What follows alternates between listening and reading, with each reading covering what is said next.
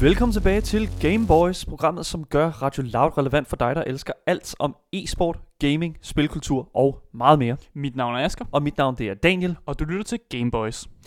Det er starten på en ny dag, Asger. Det er starten på en ny uge. Det er mandag. Det har lige været den første for mange, og det betyder altså, at det har været lønningsdag. Og det er jo fantastisk, øh, fordi det betyder, at så kan man gå ud og købe en hel masse spil. Øh, og det gør man i hvert fald, hvis man er gamer, ligesom Asker og jeg er det. Men det kan også være rigtig irriterende at skulle gå ud og bruge alle de her penge mm. hele tiden. Så det er altså derfor, at vi har fundet ugens gratis spil, som kan fås kvitterfrit for 0 og niks og uden nogen digedar eller omkostninger. Ja, og vi skal også review Microsofts nye spiltitel Gears Tactics, som faktisk har fået knaldgode reviews allerede. Men er det overhovedet velfortjent? Det får du svaret på i dagens program. Velkommen til Game Boys. Men inden vi skal ind i alt det, så har vi altså lige dagens nyheder, og bare roligt, vi starter ikke ugen ud med noget negativt, noget skidt. Vi starter ud med noget, som er virkelig, virkelig fedt, mm. nemlig en ny trailer til en ny spiltitel. Og vi fik traileren i sidste uge, nemlig øh, den 30. april. Hvad er det for et spil, vi har fået en trailer for, Asger? Vi har simpelthen fået en trailer for det helt nye Assassin's Creed-spil, og det hedder Assassin's Creed Valhalla. Øh, og der er kommet den her trailer ud, og jeg synes faktisk lige, vi skal, vi skal høre lidt af den. Ja.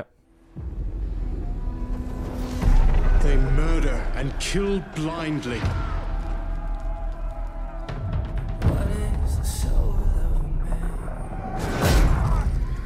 They scar the lands of England. Lands they will never defend, never love. The time has come to speak to them in a language they will understand.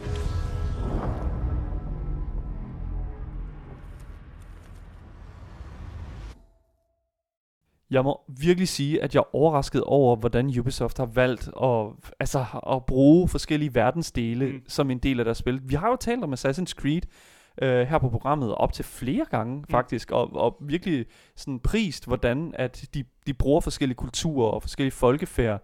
Øh, og nu har de altså valgt at bruge den nordiske. Mm. mytologi Ja, og de er også rigtig gode til at bruge de her hi- lidt historiske monumenter, som er sket. Øh, og, og det vi kan se med Assassin's Creed Valhalla, det er simpelthen, det følger øh, vikingeinvasionen af England, som skete i, øh, i starten af, af 800-tallet øh, og slutningen, eller slutningen af 800-tallet. Øh, og vi ser faktisk også øh, King Alfred, som er i traileren, som skriver det her øh, brev, og som siger nogle ting om de her Viking Invaders, øh, som vi også ser i traileren. Ja, altså jeg ved ikke, jeg, øhm, jeg, synes, at det, jeg synes, det er en fed æstetik. Mm. Jeg synes, at der er rigtig, rigtig meget pot- potentiale at hente i øh, sådan, hvad kan man sige, vikingefolket. Jeg vil sige, at traileren viser dog lidt en, øh, et, et, et meget sådan øh, rosenrødt billede af, mm. hvad, hvad man sådan kan forvente af en, en, en viking. Ja, fordi det er, jo, det er jo lidt vigtigt at huske, selvom vi er rigtig gode til at romantisere øh, vikingerne og, og, og ligesom øh, slå os på brystet med, at vi har været vikinger engang. Altså, så var de jo ikke et... Øh, altså, de var ikke det good guys jo, i, i, i det her tilfælde. De kom jo, og så voldtog de og, og brændte landsbyer ned og, og slog forsvarsløse munke ihjel. Øh, men det traileren gør jo, er ligesom at portrættere dem som, som lidt, lidt venligere, end, end de måske er. Og, og lidt også portrættere ham her, King Alfred, som den onde øh, antagonist i historien, selvom han i virkeligheden bare beskyttede sit eget land for de her Viking Invaders. Der er sådan en dynamik i den her trailer, som viser, hvordan at Alfred, øh, King Alfred, Mm. øhm, sidder og skriver det her brev jo. Og han siger, han prøver at skrive ud til, øh, til, til, til, til folket, blandt andet også, at det her med sådan, at ah, vikingerne er nogle skidt karle, og mm. sidder og siger de her ting. Og mens at, at Alfred siger de her ting her, så panorerer traileren jo over til vikingerne, der er fredelige, og ah, Mm. mm. ah de er savages, øh, vilde, øh, vildmænd og sådan noget. Og så er der, viser de også et billede af vikinger, der sådan, øh, de er ved at plyndre en by, og så Mm. støder de ind i en, ind i en, en mor og en datter, øh, en engelsk mor og en datter, og så, så, så, venter, så holder de lige Mm. mm. folket tilbage, ej, gå I bare forbi. Og det var sådan, det er ikke sådan, det skete.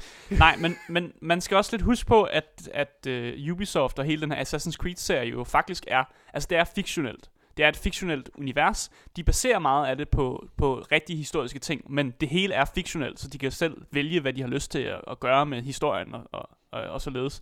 Ja. Øh, og man kan også se, at, at de har valgt at, at gå med det her, som de også gjorde i Ass- Assassin's Creed Odyssey, hvor man selv kan vælge, om man vil være en kvinde, øh, eller en mand, som er, er, er protagonistrollen, og som man spiller som. Ja. Og vi ved, at man kommer til at hedde Ivor, øh, som er et, et øh, navn, som både kan, øh, kan øh, lægges til mænd, men også kan lægges til kvinder. Hmm. Altså det er en stor positiv ting for mig i hvert fald, det her med at, at, at både at have muligheden for at spille en kvindelig protagonist, mm. men også en mandlig. Jeg har det jo med at vælge de kvindelige protagonister af den simple årsag, at jeg synes, at det er fedt, når at sådan en burly shield maiden, mm. blandt andet i, for, i det her tilfælde, altså virkelig bare vælter en hel gruppe af mennesker. Og det er også derfor, jeg synes, at øh, sådan en, en serie som for eksempel Vikings Mm. var så vanvittigt fed, fordi at de også bare portrætterede de her kvinder her, som ikke bare sådan en, en altså et element af den tid, Mm. nemlig den her sådan funktions øh, hus øh, holderske, men faktisk at, at de har en ligevægt Mm. i det her sådan samfund, vikingesamfundet. Ja, for de kan nemlig også være det, der hedder en, en skjoldmø, som, er- som er jo de her store vikingekvinder, som var kendt for at have de her store skjolde, som er klar til at beskytte, øh, beskytte mændene, som ofte måske vil gå i, i kamp med de store økser, og derfor ikke kunne holde et skjold. Og så har de brug for en til at, ligesom at, at være klar til at hjælpe dem med skjoldet, hvis der nu kommer pile. Øh, og man ser også i traileren, at der på et tidspunkt kommer den her, øh, de her mange pile, og så råber ham her, Shield Wall! Og så Ja. laver de ligesom øh, det klassiske, hvor man tager skjoldet op og, og prøver ikke at blive ramt af pile. Ja, præcis. Det andet vi ved, det er, at spillet kommer til at tage, altså finde sted øh, imellem øh, Norge og England. Mm. Øh, og altså her vil jeg godt nok sige, det er fair nok, at de vælger Norge. Men hvor er Danmark? Ja, nej, nej, altså, det er altid det, der sker. Det er altid Mm. det, der sker, når vi taler om vikinger. Mm. Fordi det, at, altså, Danmark bliver glemt, fordi vi er jo så lille, en lille, altså vi er jo en halvø, altså det Ja. er vi, og altså det, det der er med det, det er jo, at, at jeg synes, at tit og ofte, så bliver Norge og Sverige øh, meget gjort til de her vikingelande og sådan Mm. noget, og altså, altså, d- der er en pointe at sige her, Norge og Sverige er væsentligt flottere lande, end Danmark er. Det vil jeg gerne give. Jeg vil, og det er 100 gange federe at lave et spil ud af det. Det er ikke så fedt at lave Vejle Nej. i, i, i, i, i et videospil, tror jeg. Det er jeg helt enig om. Og jeg, men jeg tror også, det, de prøver at gribe omkring, det er den første øh, vikingeinvasion af England. Øh, der var jo også en anden vikingeinvasion af England, hvor det faktisk var Svend øh, Tviskæg, altså kongen Svend Tviskæg, som stod bag øh, en anden invasion af England. Og det er ikke den, de griber an. Og det havde jo været mere sådan til højre benet, og så lægge det i Danmark, hvor det giver mere sådan mening at, at lave Ja. sådan en større skandinavisk billede, øh, som er det, jeg tror, de prøver med, med, med Assassin's Creed Valhalla. Øhm, en anden ting, som har noget med sådan det, det danske at gøre, jo, det er faktisk paradoxalt nok, Mm. så er det, at, at de, du, altså de øh, hvad kan man sige, voice actors, som Mm. lægger stemmen til øh, Ever, eller Ivar, Mm. øh, det er begge to danskere. Magnus Brun og øh, Cecilie Stenspil, Mm. Som øh, Ce- Cecilie Stenspil har, Stenspil har blandt andet været med i Badehotellet, øh, og Magnus Brun har også været med i en anden vikingeserie, øh, faktisk som finder sted på samme tid, som det her spil skulle finde sted. Så øh, det er faktisk meget interessant, men sjovt, at de alligevel vælger, det er Norge. Mm.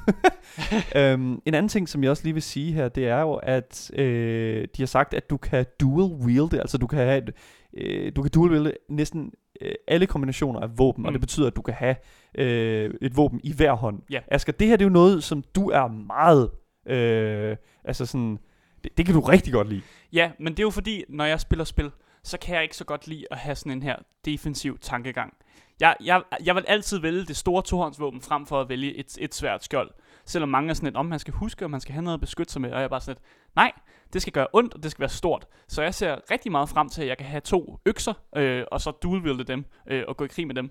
Øh, og det ser jeg meget frem til. Men en, øh, en anden ting, som de, også, øh, som de også introducerer her, det er jo, at... Øh, at man har en klan, som man kan tage sig af, og man har den her settlement, som, man, øh, som jo nok er en viking øh, settlement, som bliver øh, lavet i England, og så skal Mm. man tage sig af den og ligesom vokse den større, øh, og forhåbentlig også kæmpe mod nogle englænder, som prøver at, at overtage ens øh, settlement. Ja.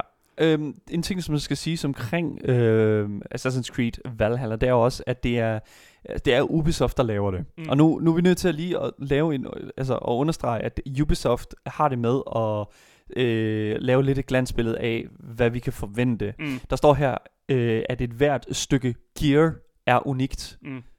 Og når, jeg, når, jeg, når, det, når, det, når det kommer fra, fra Ubisoft, så har jeg sådan en følelse af, hmm, det ved jeg sgu ikke rigtigt, om jeg tror på. Og det er fordi, at Ubisoft jo typisk, altså for, forhenværende har bare slynget de her sådan uh, termer ud. Altså, unikt og Mm. ikonisk, og den her slags, de gjorde det blandt andet også med, øh, øh, det hvor du, ha- hvor du hacker helt vildt. Øh, on, øh, Øh, un- Underdogs? Underdogs. Ja. Watch Dogs. Watch Dogs, ja lige præcis. Øh, hvor de også smed det ud, og jeg, jeg må bare indrømme, det, det, det, jeg holder mig altså lige lidt tilbage med det hype der. Mm. Men altså, man kan jo også sige, det er faktisk en ting, som de, de introducerede lidt i Odyssey, som var øh, det sidste Assassin's Creed-spil, de har lavet, hvor der også var en masse i, øh, altså unique gear, så jeg tror helt, helt bestemt, det kan lade sig gøres, i, i, i min Ja. øh, optik i hvert fald. Ja. Vi øh, må simpelthen se, hvad, hvad det går hen og Mm. bliver til. Som sagt, så er det altså, det udkommer her i Holiday Season Mm. 2020. Nu må vi se, der er jo en hel del spil, som er blevet udsat.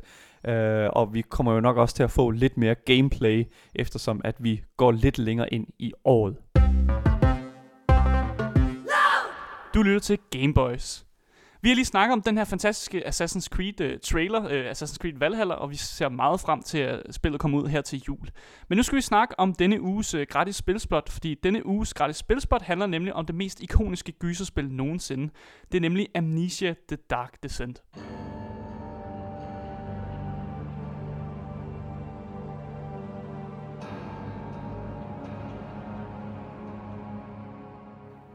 Det fede ved at lave et gratis spilspot hver uge, det er nemlig, at Epic Games Store har en funktion, mm. Nemlig øh, det her med at have et gratis spil hver uge. Og det gør jo arbejdet super let for os, men der er mange, der ikke rigtig ved, at det her det er en funktion. Og det er altså enormt store spiltitler, som. Mm. altså faktisk er der hver uge. Og det er altså ikke nogen øh, undtagelse i den her uge, nemlig fordi, at vi skal tale om Amnesia Dark Descent. Udvikleren af Amnesia er jo Frictional Games, og de har jo udviklet næsten øh, alle gyserspil fra den her tid, nemlig 2010 og deromkring. De har blandt andet også udviklet spillene Penumbra og Soma, som begge to er sådan øh, også øh, meget sådan ligeligt uhyggelige mm. Mm. gyserspil. Øhm, og det fede ved den her tid her med gyserspil, det var jo, at de øh, endnu ikke rigtig havde sådan perfektioneret den der sådan gyser-genre sådan helt endnu. Det var ikke alt, der var blevet fastsat. Øhm, og det er blandt andet det, som The Dark Descent øh, skriger rigtig meget af, øh, nemlig den her sådan meget nye, meget friske sådan fortolkning på, hvordan gør vi vores spillere enormt bange. Ja, fordi øh, sådan som det er det her spil, så øh, spiller man jo som karakteren Daniel, og det er altså ikke den Daniel, der sidder over for mig, men, men han hedder også Daniel, ham i spillet. Thank God. som er den her engelske unge mand, som øh, vågner op i det her gigantiske mansion med hukommelsestab, øh, og så er det så spillerens job at løse mange af de her puzzles, og løbe for livet, og ellers finde ud af, hvad, altså, hvad der foregår bag kulisserne i det her enorme hus, som er det her store Brandenburg Slot. Øh, og spillet finder også sted i 1839, øh, og, og man har ligesom det her preussiske måneskin, som kommer ind, og så ligesom sender vi, virkelig god sådan gyserstemning øh, i løbet af spillet. Øh, og jo længere du bevæger dig ind, øh, og jo, jo mere historien du finder ud af, så finder du ud af, at du faktisk er meningen, du skal kvæle den her mand, som står bag øh, Daniels lidelser, baron Alexander. Det er jo sådan den overordnede historie for Amnesia-historien, i hvert fald for øh, uh, The Dark Descent. Men det, som jeg synes, der er super fedt ved Amnesia The Dark Descent, det er den måde, som den sådan ligesom øh, altså starter ud. Altså Mm. den måde, som spillet ligesom øh, laver sit anslag på. Fordi det starter med, at du ligger på det her stengulv, Mm. og øh, alting er fuldstændig sløret, og Daniel, du spiller som, finder så den her note, som Daniel har skrevet til sig selv, Mm. øh, som ligesom informerer ham om, at han bevidst har slettet sin egen hukommelse, og bliver jagtet af sådan en skygge, øh, altså en særlig tilstedeværelse, der ligesom manifesterer, manif, manif, Manifesterer sig selv. manifesterer igennem- sig ja, øh, igennem sådan kødfulde, sure øh, vækster, så ligesom spreder sig over hele det her slot her. Mm. Det ligner sådan nogle røde, plam, altså bobler af plamager. Det er Mm. rigtig, rigtig ulækkert, og du, øh, hvis du rører ved det, så, øh, så tager du skade, og øh, får du ikke så godt af det.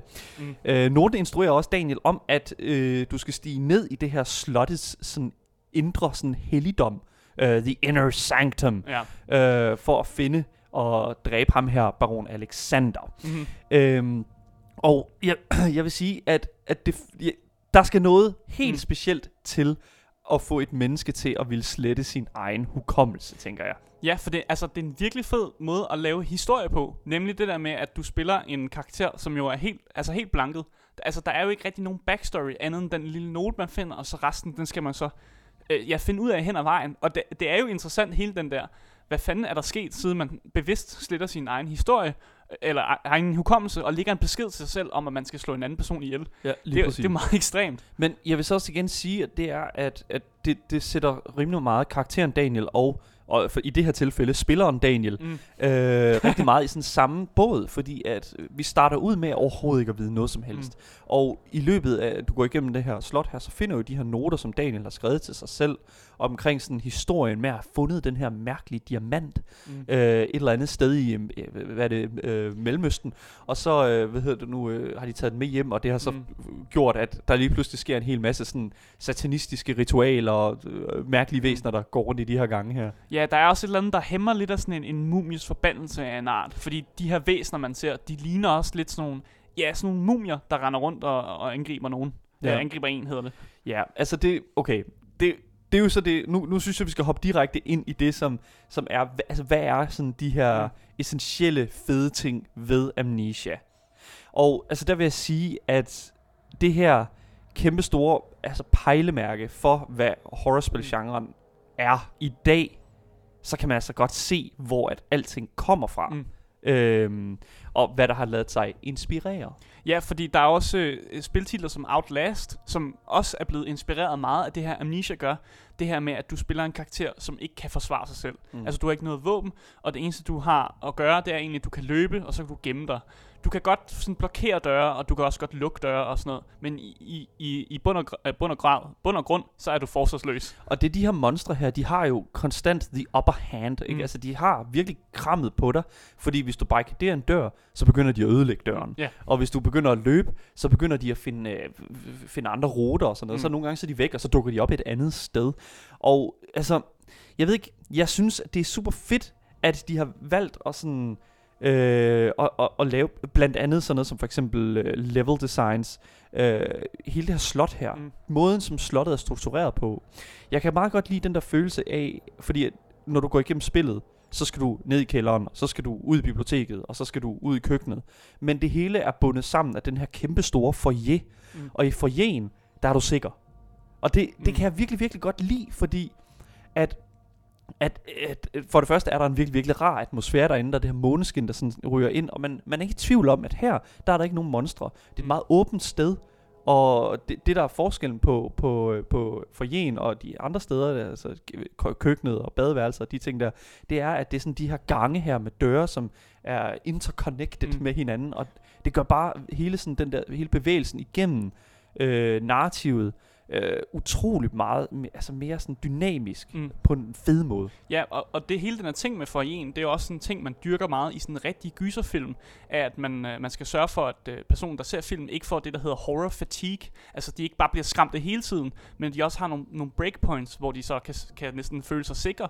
Og, og så giver man det chokket, altså et jumpscare, eller man giver, øh, man giver øh, øh, spilleren øh, en forskrækkelse. Og det er også noget, man gør i, ja, i horror movies. Det der så dog er med at give spilleren en forskrækkelse, det er jo også noget, vi har set øh, rigtig, rigtig meget efter øh, årene efter, at spillet kom ud, fordi mm. at det er jo faktisk et spil, som har startet nok den største YouTubers karriere, nemlig YouTuberen PewDiePie, og det er Mm. altså ikke ham, øh, det er altså ikke dem, der laver satire her på Radio Loud, det er faktisk øh, øh, den rigtige PewDiePie, som øh, sad i mørket i, tilbage i sin tid, øh, 2010-2011, hvor det virkelig var højtiden for det her spil, og råbte og skreg på en helt ny måde, og revolutionerede YouTube på den sags skyld også. Og det synes jeg bare er super fedt, at et, et, et videospil kan være med til at gøre sådan noget. Ja, for sådan nogle øh, gyserspil har altid været enormt populære på YouTube. Især i, i den tid, og der var mange af de her øh, gaming, øh, gaming YouTubere, som, som samlede op på, på Amnesia, men også mange af de andre øh, horrorspil, som var i den tid. Slenderman var et spil, som mange af de her gaming YouTubere også ville spille. Øh, og så Outlast igen, mm. da det kom ud på det tidspunkt. Slenderman er jo lige et år øh, yngre end Mm. Amnesia, og jeg vil sige, at øh, i 2009, i 2009 blandt andet et øh, knaldgodt år for videospil, det var blandt andet øh, sådan noget som Assassin's Creed 2, der kom ud i det år. Øh, det er en virkelig gylden tid for Mm. videospillene. Og øh, altså Slenderman er jo det her sådan spil, hvor du render rundt i en skov, og øh, skal finde sådan nogle papirlapper, øh, jeg tror det er et sted mellem, mellem øh, fem stykker, som Mm. hænger på træer og forskellige steder i den her kæmpe store øh, skov, du render rundt i. Mm. Og jo flere papirlapper du finder, jo vredere bliver den her sådan store, tynde, slender man. øhm, og Jeg vil sige, at, at det er rigtigt. Det er jo ikke noget nyt, det her med jumpscares, mm. da Amnesia kom ud. Men jeg vil sige, at de valgte at bruge jumpscares, altså de her sådan, øh, lydcues, Mm. øh, som er sådan pludselig, det er meget, i dag ser vi det meget sådan i, i gyser øh, film, men det her med sådan at lave de her sådan strakse, øh, hvad kan man sige, øh, forskrækkelser, øh, jeg synes, at det var væsentligt, altså de, de gjorde det på en virkelig, virkelig smagfuld måde i Amnesia. Ja, og i forhold til lydcues, øh, så er der også en masse lydcues i, i Slenderman, som minder meget om det, man ser i Amnesia. Der er den her øh, sådan øh, lidt højpitch lyd, når Slenderman kommer tæt på en som, øh, som spiller. Øh, og det er lidt det samme, som også gør sig gældende i Amnesia. Der er også den her high-pitched, øh, som bare øh, tuder din, ind i dine øh, ører. Ja, lige præcis. Øh, forresten så har, har jeg også haft et Slenderman Halloween-kostyme, øh, så man kan også forestille sig, hvordan det her må, må Det- se det ud. Det skal jo lige siges, at Asger er over to meter høj og relativt tynd, så det, altså, det er virkelig, virkelig on point. Um, Bare lige sidespor. ja, lige præcis. um, det skal også lige siges, at du lytter altså til Gameboys her på. Radio Loud, og vi taler i dag, øh, her mandag, om vores øh, gratis spilspot til jer, som øh, lige har fået en masse penge, men ikke har lyst til at bruge dem på videospil. Vi taler om Amnesia, The, Amnesia, The Dark Descent. En anden ting, som jeg synes, der er super fedt ved det her spil, det er altså, øh, det, er altså det her med, at øh, du kan tage alting Mm. i, i spillet, næsten alle de her små ting, og Mega samle fedt, dem op. ja. Altså virkelig, du kan, øh, rende, du kan du ser en kost, du kan samle den op, og du kan endda også kaste den Mm. efter det her monster, der løber efter dig.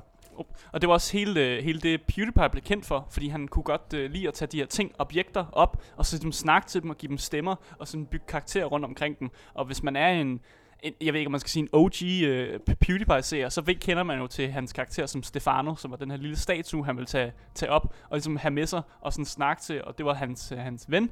Og så var han også sur på de her tønder, som er rundt omkring i, i spillet, fordi de stod altid i vejen for ham, og, og gjorde tit, at han døde til de her monster, fordi altså, de, de blokerede døren nogle gange, og, og var virkelig irriterende. Det er så det her element, som jeg føler vil gøre Amnesia til et vanvittigt fedt VR-spil. Og Mm. mm. det skal siges, at der er folk derude, som har øh, pillet lidt ved den originale Amnesia-titel, øh, og altså inde i koden, og lavet det til et VR-spil. Men vi har altså ikke fået et, et officielt Frictional Games VR-spil. Og altså, jeg ved ikke hvorfor, men gyserspil i VR, der er noget vanvittigt fedt over det. Vi fik jo, øh, jeg tror det var Resident Evil, øh, en af Resident Evil-titlerne, det er en af de allernyeste, øh, som havde en VR-titel øh, knyttet til sig. Og øh, jeg kunne, jeg, altså det, var, det var et af de her spil, som bare var vanvittigt populære, fordi at det er virkelig at sætte dig i Øh, altså sådan øh, se, altså virkelig sådan indlevelsen på højeste punkt Mm. og i gyserspil, der, altså, der er det lige, altså der giver de præcis hvad, den følelse, som jeg synes, at øh, jeg synes, at et gyserspil skal give. Nu, når du også snakker om nogen, der har lavet den her VR-mod, så er modding-scenen i, i Amnesia er jo, er jo kæmpe populær, og der er rigtig mange, der laver deres øh, egen levels, fordi det var også en ting, som developersne de, de lavede, at man kunne simpelthen øh, lave sin egen øh, historie, Mm. mm. og lave det, der hedder custom story, hvor man designer sit eget level, og laver en historie, som man helt selv vælger, og så kan folk jo spille ens, øh, ens levels, øh, og man kan promovere sig selv på den måde også. Ja, lige præcis. Øhm, en, et sted, hvor det er sådan, at man kan, man kan kigge mere omkring sådan den her modding scene og alt det her ekstra indhold, som andre spillere har lavet, det er rimelig meget øh, på Steams øh, workshop-side. Mm. Men det, det, altså det sted, som vi ligesom promoverer det gratis spil i dag, det er altså på Epic Game Store. Mm. Øhm, der er den her modding scene nok ikke lige så, pro, altså, lige så nemt implementeret. Men helt klart, hvis det er, at du føler, at du er færdig med øh, Amnesia, så er altså så, så, så burde du virkelig kigge på det på Steam, og Mm. fordi der er altså virkelig meget at finde derude øh, samtidig med. Men en af grundene til, at jeg tror, at de har lavet Dark, eller Amnesia Dark Descent gratis, er måske fordi, de prøver at hente lidt om, øh, at prøve at få folk til at ligesom blive hype omkring den øh, prequel, som de laver, som øh, kommer ud i 2020. En prequel er jo en historie, som foregår inden den originale historie, og det er jo det, som, som jeg synes altid er super interessant. Vi så det jo også med spilserien Borderlands, som øh, øh, lavede det, der hed en pre-sequel, som øh, egentlig tog, øh, fandt sted imellem det første og det andet spil. Yeah. Og øhm, jeg synes, det er en fed måde at sådan uddybe historien, og specielt med et spil som for eksempel øh, Amnesia The Dark Descent, hvor det kan være ret svært at sådan helt følge med i historien, fordi du er så, du er så involveret i det her, altså du er så fokuseret på at skulle løse det her puzzle, eller løbe fra det her monster. Så jeg synes, det er fedt, at de vælger at sige, der er rigtig meget historie i den her originale historie. Så nu vælger vi simpelthen at nytænke og øh, give spillerne den her sådan en, altså give spillerne den her den her historie som Mm. foregik inden den originale. Der er rigtig meget historie her. øhm, og det synes jeg er super fedt, og jeg synes, det er mega nice, at, at, at Frictional Games har valgt at gøre det her til en prioritet. At nu, her i 2020, der får vi altså en, ud, en, en, en, en lidt større udvidelse af, hvad den her, det her univers er, det egentlig indeholder. First person shooter spilserien Gears of War er altså tilbage igen, men i en ny version, kan man næsten sige, fordi at Gears Tactics er altså i et lidt andet perspektiv, end vi kender det fra den her spilserie. Udgiveren det er Xbox Game Studios, og udvikleren er Splash Damage og The Coalition. Øh, og, og plottet er lidt det her, at Gears øh, Tactics er det her hektiske turbaserede strategispil, som udspiller sig 12 år inden det første Gears of War. Øh, og så byer på planeten Sarah bliver lagt i grus af den her uhyrlige trussel fra undergrunden, som hedder Locust Horde. Øh, og myndighederne, de er i kaos, og en gruppe af overlevende er menneskehedens sidste håb. Sådan en klassisk øh, plot til, til, til et spil, vil jeg sige. Øh, men du spiller som ham her, Gabe Diaz, og rekrutterer ligesom og udvikler og tager kommandoen over, over dine tropper, øh, og tager på de her desperate missioner øh, for at finde og, øh, og slå ihjel den, øh, den magtfulde leder af Locust-hæren, som hedder Yukon, som er ham, der er den onde hjerne bag hele det her, den her invasion. Øh, og du skal simpelthen overliste øh, fjender mod alle odds, og så skal du bruge, øh, bruge din taktik og din snille for ligesom at vinde de her taktiske kampe. Øh, og, og det er altså et, øh, et, øh, et, en velkendt spilsaga, øh, og, og ligesom en, øh, en god tilføjelse til den her øh, legendariske spil, øh, spilsaga. Asger, hvad har du sådan af overall tanker omkring Gears Tactics? Altså, nu er jeg ret glad for den type af spil. Øh, jeg har for nyligt spillet et spil, der hedder Hard West, som også er sådan et øh, spil, som minder meget om det her, men som foregår i, i det vilde vesten, hvor man også øh, er sådan en taktisk shooter, hvor man prøver ligesom at flanke sine, sine fjender. Øh, og jeg kan godt lide den måde at spille på, og man skulle måske ikke, øh, ikke tro, at jeg var sådan en person, der godt kunne lide sådan taktiske spil. Men der er sådan, der er sådan en god blanding af, af strategi og action. Øh, for eksempel så er der det hele det her øh, måde, hvor man kan løbe man har de her motorsave for enden af din, din gun, og den kan du løbe frem, og så kan du save dine fjender i stykker. Og Ja. det er jeg altid stor fan af, at man kan gøre det. De her motorsavs våben her er meget sådan Mm. ikoniske for hele Gears of War øh, franchisen. Mm. Øhm, men, men der hvor der er sådan og, det, og altså forstå mig ret. Mm. Motorsavs våben Altså genialt. Altså helt ærligt, jeg synes at det er vanvittigt fedt og det har altså der er virkelig meget bid i sådan i, i hele den sådan æstetik og det altså det skriger nærmest sådan Warhammer 40k, Mm. ikke? Men problemet er bare at når det kommer ned til, til den her spilserie, det fungerer super godt som øh, øh, first person shooter øh, element, men desværre så synes jeg bare at åh, hele det her spil her det er nok den, det største epicenter for klichéer og outdated game mechanics, altså jeg nogensinde har set. Altså, ja, du, du siger outdated game mechanics, men, men jeg vil vælge at sige, at game mechanicsene, de er simple. Det er korrekt, men de er simple på en måde, hvor, hvor det gør spillet godt. Fordi jeg føler heller ikke, at jeg skal, jeg skal have proppet en hel masse forskellige... Sådan, øh, du kan gøre alle mulige ting, når det er din tur, karakteres tur. Men bare sådan, hold det simpelt. Du kan skyde, du kan gå frem, du kan gemme dig bag nogle obstacles, så du er i dækning, og, sådan, og ligesom lave det her Overwatch, hvor du ligesom øh, kigger efter, om der kommer nogle fjender rundt om hjørnet og sådan ting. Ja. Det kan jeg godt lide. Ja, men det, og jeg kan godt forstå, at det, at det er super fedt, og det appellerer også rigtig meget til rigtig mange mennesker. Mm. Mm. Men for mig er problemet bare, at jeg har set den her sådan type, øh, altså de her game mechanics i 100 andre spil. Altså vi har set det i Divinity 1 og 2, vi har set det i XCOM, som det her spil, som Gears Tactic virkelig gerne vil være. Altså jeg føler virkelig, at, at hele uh, Gears of War franchisen, altså simpelthen bare øh, er blevet proppet ned i den her XCOM øh, skabelon, og så øh, er der forsøgt at, blevet by- altså at blive bygget videre på det, og det synes jeg bare er super ærgerligt, fordi at øh, hele Gears øh, æstetikken og Gears historien er vanvittigt fed og har nogle is, in, super interessante sådan, øh, øh, super interessante sådan, narrativer. Og det er netop det, som vi skal ned i nu, nemlig narrativsegmentet for det her review. Jeg synes desværre, at narrativet er forfærdeligt banalt og fyldt med klichéer. og det er også rigtigt. Altså, det er øh, øh, fyldt med enormt mange klichéer. Øh, og, og, men, og, og narrativet er banalt, det er rigtigt. Men for sådan en person som, som mig, nu ved jeg godt, du, du er nok uenig med mig, øh, men jeg synes faktisk, det er fint, at, at narrativet er lidt banalt, fordi det giver mere fokus på gameplayet. Og jeg kan godt lide, det, jeg kan godt lide gameplayet, selvom det er lidt simpelt, og, og game mechanics godt kan føles lidt outdated. Så appellerer det alligevel til mig, og jeg kan godt lide, at, at det er så banalt, som det nu end er der er noget sikkerhed i det, og det kan jeg også godt se, at det kan appellere til folk, som, som sådan set bare vil sætte sig ned og, og være in and out øh, med det her spil her. Men problemet er bare, at det er et øh, sådan selve pacingen og sådan, hvad kan man sige, hastigheden, du kommer igennem den her historie her, er virkelig, virkelig sådan åh, den er bare, den er bare begrænset meget af den her sådan meget stereotype mm. øh, sådan fortælling om nogle soldater. Øh, hvis vi skal kigge sådan på hovedpersonen, som er ham her, Gabe Diaz, så synes jeg, at han, at, at han er fyldt med spændende dialog, som, øh, såsom, øh, I'm done with that life, og uh, I'm, I don't do that anymore, og altså, I'm done, I'm out of that game, ikke? Altså sådan, jeg synes ikke, jeg synes, at der, der, det kan, en krigshistorie kan fortælles mm. på en super fed måde, så som for eksempel Spec Ops The Line, for eksempel, som vælger at gå ind i sådan en, det psykoterapeutiske mm. øh, i en, øh, eller sådan det psykologiske i en, en soldat. Men her er det bare sådan, åh, det er simpelthen bare så nemt, og det er simpelthen så overfladisk, at man bare sidder der, og det er ikke engang sjovt overfladisk. Nej, jeg er helt enig med dig. Jeg synes også, at de her voice lines er totalt øh, overfladiske og, og så banale, og det er så lidt. Det er, det er noget, vi har set før, det her. Øh, og, og, og der er ikke noget nyskabende ved de her voice lines. Øh, og jeg kan også godt lide den der, I'm, I'm done with that life. Det er bare så klassisk yeah. en, en linje, og, og klassisk sådan protagonist-ting øh, at bygge en karakter rundt omkring. Ja, lige præcis.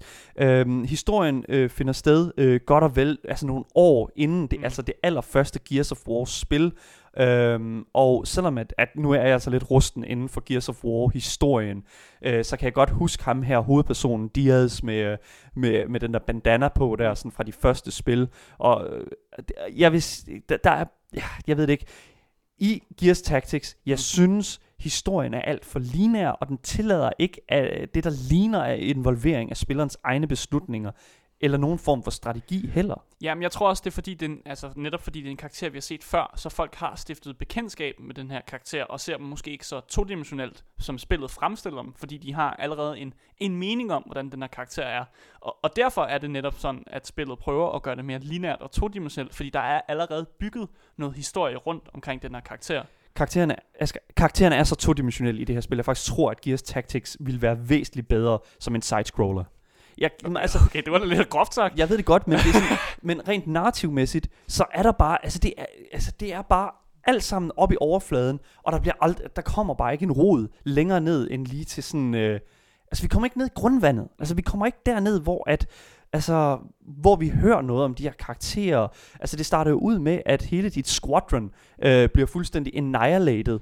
Øh, og der er selvfølgelig, øh, hvad kan man sige, udvikler det sig sådan, men det er bare derefter, men der er bare, altså, det, det ligger bare 100%, you are a soldier. Ja, ja, ja, men altså, jeg vil så sige, jeg har heller ikke brug for at rende rundt ned i grundvandet, når jeg synes, swimmingpoolen er fin nok at være i, og det, det fungerer fint nok her på overfladen. Så jeg synes ikke, det behøver at være dybere mening, når, når svømmepoolen og, og massagebod, altså massagebænken derovre, den er helt fint her på overfladen. Så du må godt, du må godt trille rundt i grundvandet, Dalle. Det er helt fint. Men det er det netop, jeg føler, at jeg ikke får lov til. Og grunden til, at jeg føler, at jeg får lov til det, det er nemlig noget, som jeg kan fortælle om i vores næste segment her i vores review, nemlig gameplay grunden til, at jeg føler, at pro- altså, der er så store problemer øh, med øh, Gears Tactics blandt andet, det er altså, at rigtig meget af dets gameplay har så mange problemer, føler jeg. Og blandt andet, lad os bare tage det helt, øh, altså det helt øh, overfladiske her. Mm. Øh, lad os bare holde os det på, på Gears Tactics niveau her i overfladen. Øh, menuer.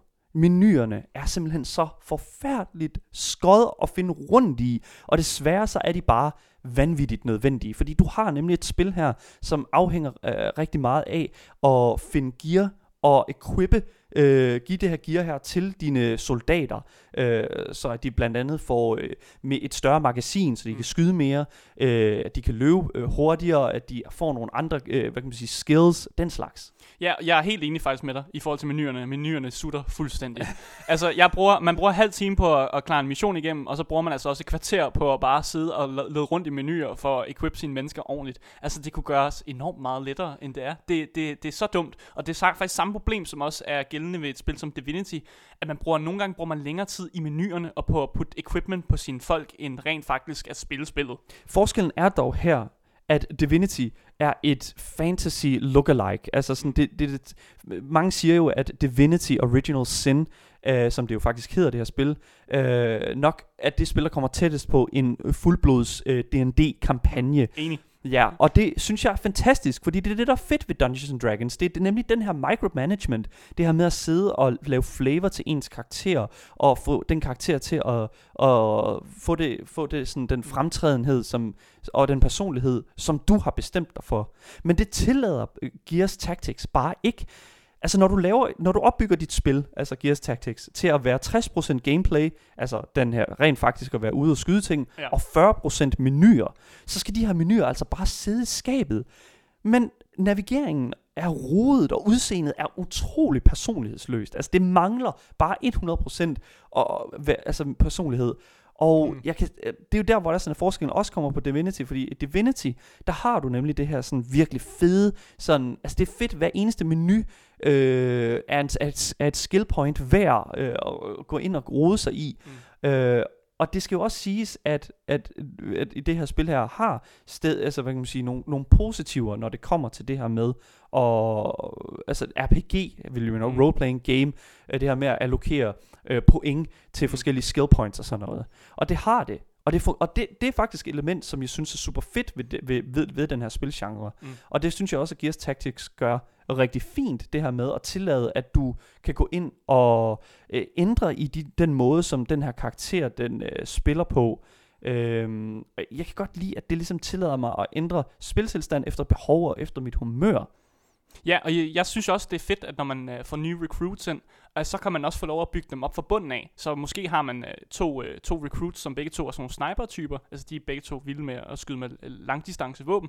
Men du opbygger dem på to forskellige måder. Så den ene er, måske, er måske mere sådan en øh, assassin-type, som sådan er god til at gemme sig i, i, i, i skyggen og sådan at vente på at få det rigtige skud. Og den anden er mere sådan en, skyder rigtig meget hele tiden, og prøver bare at fyre så mange skud, som så giver meget skade øh, hen ad gangen. Og ligesom at bygge karakteren op på den måde, det kan jeg godt lide, og det synes jeg også er et godt øh, RPG-element af, af spillet. Så jeg er enig med dig. Ja, der vil jeg så godt bare lige sige, at der er et problem. Fordi nu talte du omkring nej. det her med at rekruttere, øh, rekruttere nye soldater til din, øh, øh, til din rang. Der er virkelig, virkelig stor uligevægt rent levelmæssigt i de karakterer, du kan rekruttere igennem spillet. Efter at du har spillet i et godt stykke tid, så opnår øh, dine, de her sådan faste karakterer, du har spillet med siden starten, sådan cirka øh, et level. Og det får de jo så efter alt, hvor godt de klarer sig i den sådan combat, de har været i, den kamp, de har spillet igennem. Øh, men fordi at de her spillere, eller de her soldater, øh, kan dø, og du så kan miste den soldat, så øh, skal du jo så rekruttere nye karakterer, nye soldater, nye gears, som de hedder i uh, Gears of War. Øh, men problemet er, at når du så rekrutterer de her nye gears, så er de vanvittigt øh, øh, underleveled, så du skal til at levele dem op i spillet. Mm. Og øh, det vil jo så sige, at normalt, øh, hvis man kigger på et spil som for eksempel XCOM, som ligner Gears Tactics rigtig meget, så har du noget det, der hedder catch-up mechanics, mm. øh, nemlig måder, hvorpå at du kan levele de her karakterer op, mens du ikke bruger dem. Fordi at ellers så har du bare en, en, en, en soldat på den her slagmark, som er så lavt level og har så få ressourcer, at, du, at, at de ikke har nogen chance for at catche op. Og det synes jeg er vanvittigt ærgerligt. Men, men det lyder også som om, at du siger du, når man mister en soldat. Men Daniel, kan du ikke bare blive bedre?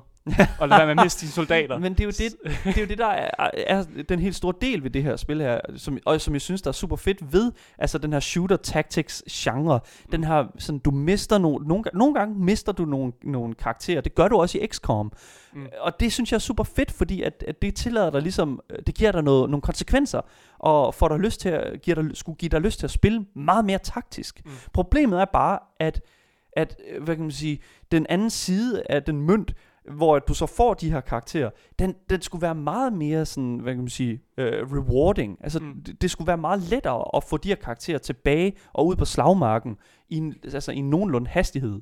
Altså, ja, men igen, jeg synes også, at spillet skal straffe dig, hvis du, hvis du mister nogle karakterer. Fordi så er det fordi, du har spillet dumt. Så er det fordi, du har sendt din, øh, en, eller anden- en af dine, dine sniper frem, og så er han blevet spist af de her øh, beasts og sådan noget. Så jeg synes, det er okay, du bliver straffet på den måde, at du så bliver sat lidt tilbage, og så skal du til at level nogle karakterer op igen.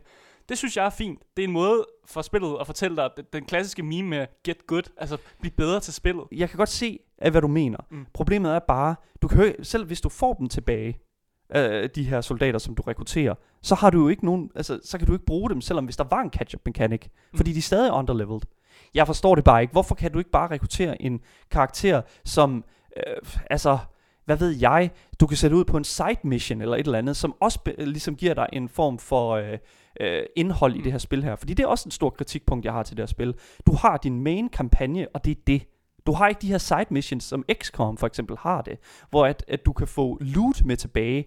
Og det, det synes jeg, det er super ærgerligt. Det synes jeg er super vanvittigt skod, at du ikke har en mulighed øh, for ligesom at gå ud over den her sådan kampagne, den her lineære historie, men at du sådan set bare, altså du har historien, du har de kampe, som historien tillader, og det er det. Nej, der, er- der er også side missions, Daniel. Ja. Der er side missions, som du går på, øh, og som, som gør, at du så kan komme videre med dine main missions. Så, så der er rent faktisk lavet de her side missions, hvor du kan få lov at catch up med nogle af dine, øh, din, din, din mænd, som måske ikke er ligesom højt level. Problemet er bare, at det er ikke, det fjerner sig aldrig fra historien. Det, jeg kunne godt bruge, at, det, at verden her blev gjort en lille smule større igennem de her mechanics. Du lytter til Gameboys, og vi er altså i gang med vores review af Gears Tactics. Det har jo indtil videre været øh, relativt interessante talepunkter, vi har været igennem, og jeg, altså, det er jo, man kan jo ikke ligefrem sige, at du og jeg, Asger, vi er enige her. Det er måske lidt heated debat. en lille smule måske. Ja, lige præcis. Men altså, det er fordi, at der er jo, altså, der er positiver, og der er negativer ved mm. alle spil. Øhm, og altså, vi har talt om narrativet, øh, og vi har talt om gameplayet indtil videre, men det vi skal ind i nu, det er altså en af mine absolut yndlingssegmenter øh, ved vores reviews. Det er nemlig det visuelle mm. aspekt af spillet. Visuelt set, så ser spillet faktisk ikke så godt ud. Øh, grafikmæssigt, så, så er det lidt øh, underwhelming. Altså, det, det, det, det kniver sgu lidt med, med det visuelle. Men, men der er nogle fede detaljer, øh, og især det der, når man, når man angriber et monster, og man laver de her øh, finishing moves, eller når man angriber med motorsaven, så får man altså nogle, nogle, øh, nogle fede de her cutscenes, der er. Og der er også en fed måde, hvordan karakteren ligesom bevæger sig rundt på banen. Og det her med, at de slider sig ind i cover, øh, og når de, når de kigger rundt om hjørnet, og når de laver det her move, som hedder Overwatch, hvor de så øh, står og sådan kigger efter fjender, så laver de også sådan et, hvor de lige går rundt om coveret. Så der er altså nogle fede visuelle aspekter, øh, som jeg godt kan lide i hvert fald. Ja, jeg vil faktisk sige, at jeg faktisk er uenig med dig i det allerførste statement, det her med, at grafikken ikke er så god. Jeg synes faktisk, at grafikken er relativt... Pro- altså, jeg synes, at grafikken har øh, flotte detaljer. Det sagde du også.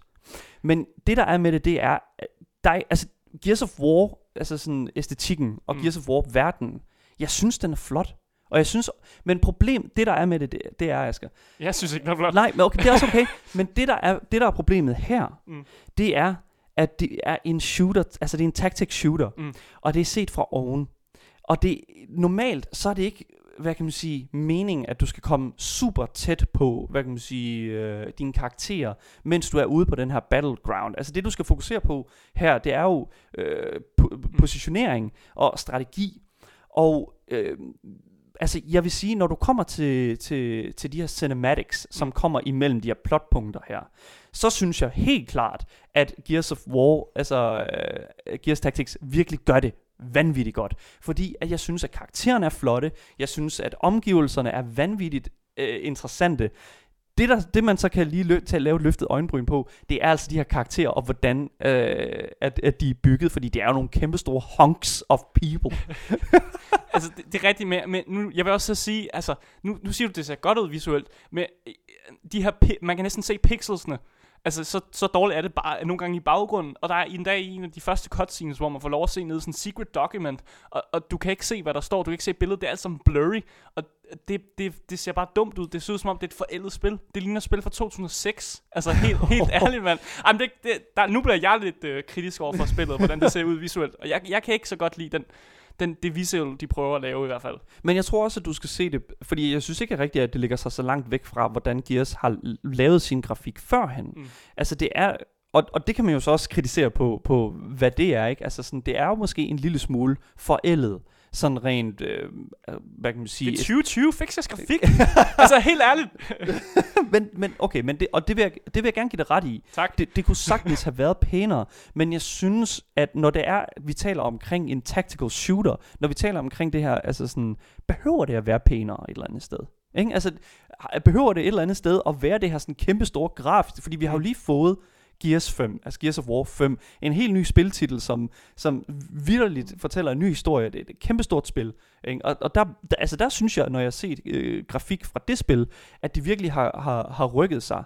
Og der, er simpelthen, der tror jeg simpelthen, at, at øh, de simpelthen har valgt her at sige, vi, øh, vi har ikke brug for at gøre det altså kæmpestort øh, rent visuelt, men alligevel så synes jeg, at de vækker noget i mig, som siger sådan, det er stadig øh, Gears of War-universet, det her. Jamen, jeg, jeg, faktisk, jeg, jeg må sige, jeg er faktisk enig med det. Det er overkommeligt, at, at, øh, at grafikken ser sådan ud. Fordi for mig er det vigtigste også bare stadig gameplayet. Altså, et spil kunne sådan set godt bare, bare være pixels og Lego-klodser, mm. der render rundt. Og det er der jo nogle spil, der faktisk er. Men, ja, okay, ja.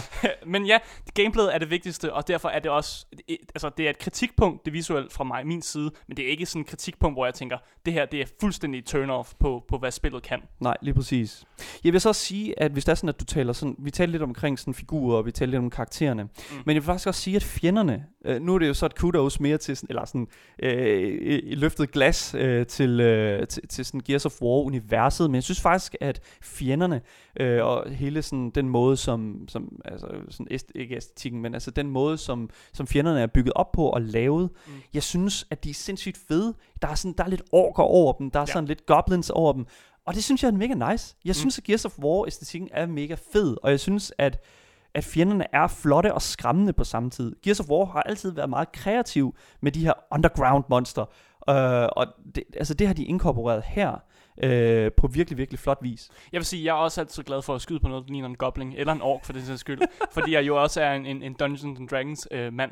Øh, det jeg bliver lidt irriteret over, øh, når vi nu snakker om de her fjender, bare lige få det på bordet også, det er, at jeg tit kommer til at løbe rigtig tæt på dem, og finde ud af, at det skal man ikke, fordi de har nemlig sådan et angreb, der gør, at de bare angriber dig med det samme, lige så snart du løber op i hovedet på dem. Så der virker min strategi ikke med at blive, være sådan up, up front og up face med de her orker, øh, goblin-typer. Men jeg vil også sige en ting, og det er, at det, det, det er noget, som jeg har oplevet igennem mit, mit, mit, mit spil også, og det er det her med, at du står et sted på banen, og pludselig så bliver der bare firet en, øh, fra de her dropships mm. øh, sådan tre fjender ned lige ovenpå dig, og de har alle sammen bare... Øh, altså, Tusind de, liv eller sådan noget, ja. De har alle sammen bare et gratis fucking hook på dig. og det er bare ærgerligt, fordi at så sidder man der, og så er du bare... Øh, et stykke kød. Så, er du bare, så sidder du bare der som et stykke kød, ikke? Og, og, og jeg, altså, ja, jeg, jeg ved det ikke. Det, det er så ærgerligt, fordi at de kunne simpelthen have, have, have gjort noget bedre med, hvordan de sådan altså hvordan de også havde lavet banerne, synes jeg. Og mm. det, det er sådan en anden ting, øh, også med det visuelle, det her med, jeg synes det er meget gråt på gråt. Mm. Øh, men det er jo også Gears of War, øh, vi taler om, og det, det, er jo, det er jo, hvad det er. Det er jo det samme, hvis vi, det er jo det samme som at sige Fallout-spillene, mm. som også er altså det her apokalyptiske spil, at det er også meget brun på gråt. Og ja, det tror jeg, efter at øh, Dommedag har været der, så tror jeg ikke, der er meget grønt tilbage. Mm. Men der er også et andet spil, som hedder øh, Mutant War øh, Road to Eden, som også er det her spil, som minder lidt om det her, og det er meget, meget mere farverigt, men det har også en dommedags øh, apokalypse-agtig scene, og de kan godt finde ud af at implementere farver, så jeg er faktisk enig med dig med, at det, det er lidt gråt og trist, og det er meget sådan et, der må godt, der må godt være lidt mere farve, eller nogle, nogle cues, der ligesom fortæller dig, at, at herover er der lidt mere spændende end andre steder, som gør, at man har lyst til at gå andre steder hen i hvert fald. Det næste segment her på listen, det er altså lyd, og hvordan, øh, hvad kan man sige, lyddesignet, det er implementeret i Gears Tactics.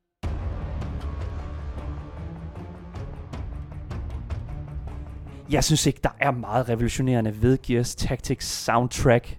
Uh, det er, hvad jeg synes, du kan forvente fra et, en altså action-genren, og der ligesom ofte lader sig kendetegne ved de her hårde trommer, sådan du, du, du, du, du, uh, og den her gritty synth, som fungerer udelukkende som en sådan gradvis dynamik for øer. Uh, der er ikke noget sådan super revolutionerende ved det.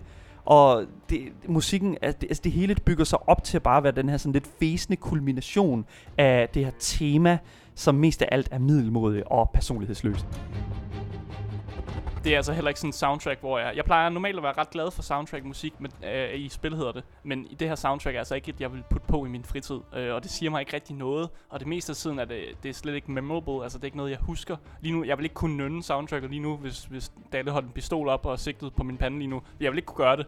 For Nej. jeg kan simpelthen ikke- jeg kan ikke huske det her musik, men jeg ved selvfølgelig, at, at, at det er det her lidt, øh, det, det der kendetegner sådan her øh, action, øh, tactical genre musik. Ja, lige præcis. Og det, det skal jo sætte anslaget for, for verden, og, og den verden, man sådan begår sig i. Og det, det, det, det fejler den bare helt vildt meget med. Og jeg tror, det er fordi, at det er, at det er en hel del mennesker, som har siddet og arbejdet med det her musik her. Øh, og d- der, der får du så en, øh, en personlighed i musikken, som, som er meget forskellig.